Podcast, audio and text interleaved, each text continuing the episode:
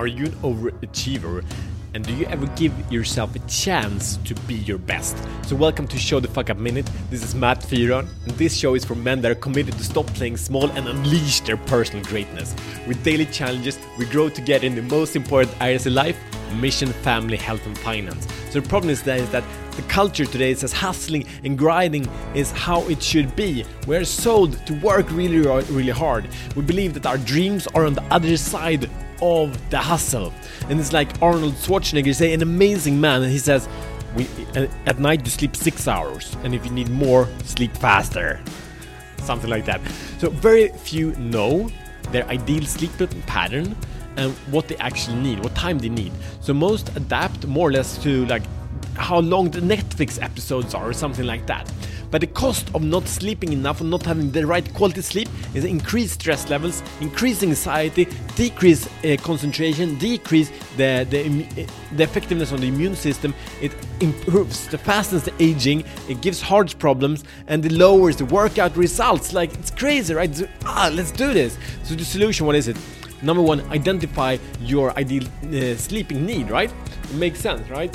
And these are not the steps, these are the challenges. And basically, adults we need 7 to 9 hours of sleep. That's normal if you're between 18 and 64 years old. Between 7 and 9 hours per day. Like, are you getting that?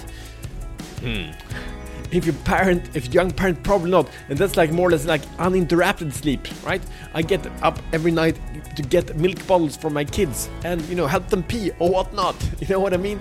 So according to the Ayurvedics, the, the medical old ancient medical system from from the India, they speak about that the organs, our inner organs, are having optimal recovery between 10 p.m. and 2 a.m. It doesn't mean we should sleep, you know, four hours a day, but it means those hours are, according to them, the ideal recovery time for our organs to sleep then and longer or earlier if it makes sense.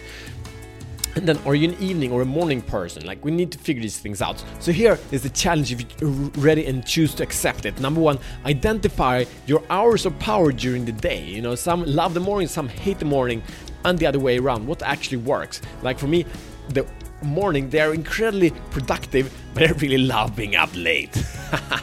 Number two, how many hours of sleep do you need? Like for me, seven. If I get seven hours, that's awesome. I feel really good if I get seven hours. So, what is your ideal bedtime? Actually, really, what is it? When should you go to bed? And how do you need to end up to be there in bed? Like, for example, you know, I want to be in bed at 10:30, and I know I love also working. I can have great uh, working sessions in the evening if my family is in bed or whatever, uh, like not home or I'm somewhere else. But then I need to stop my computer latest at 10, so I have 30 minutes to calm down. That makes it ideal, if that makes sense. So, number one, identify your hours of power during the day, uh, identify how many hours of sleep you need, what is the ideal bedtime, and how many, how do you end up to be there in your bedtime routine, and now commit and take action and sleep these many hours anyway today and experience if you only do this for a week and that will transform your life. So now it's time. Join our community of like-minded men that are ready to show the fuck up and free ourselves from the prison of playing small. Friday the 16th of april we launch our community for daily accountability and support. It's gonna be epic. And please you subscribe review and share this with a man that's ready to unleash his inner greatness. He can save his life he might be depressed and he might need sleep to get there. He might want to improve his his communication with his family, and sleep might just be what he needs. See you tomorrow as better men.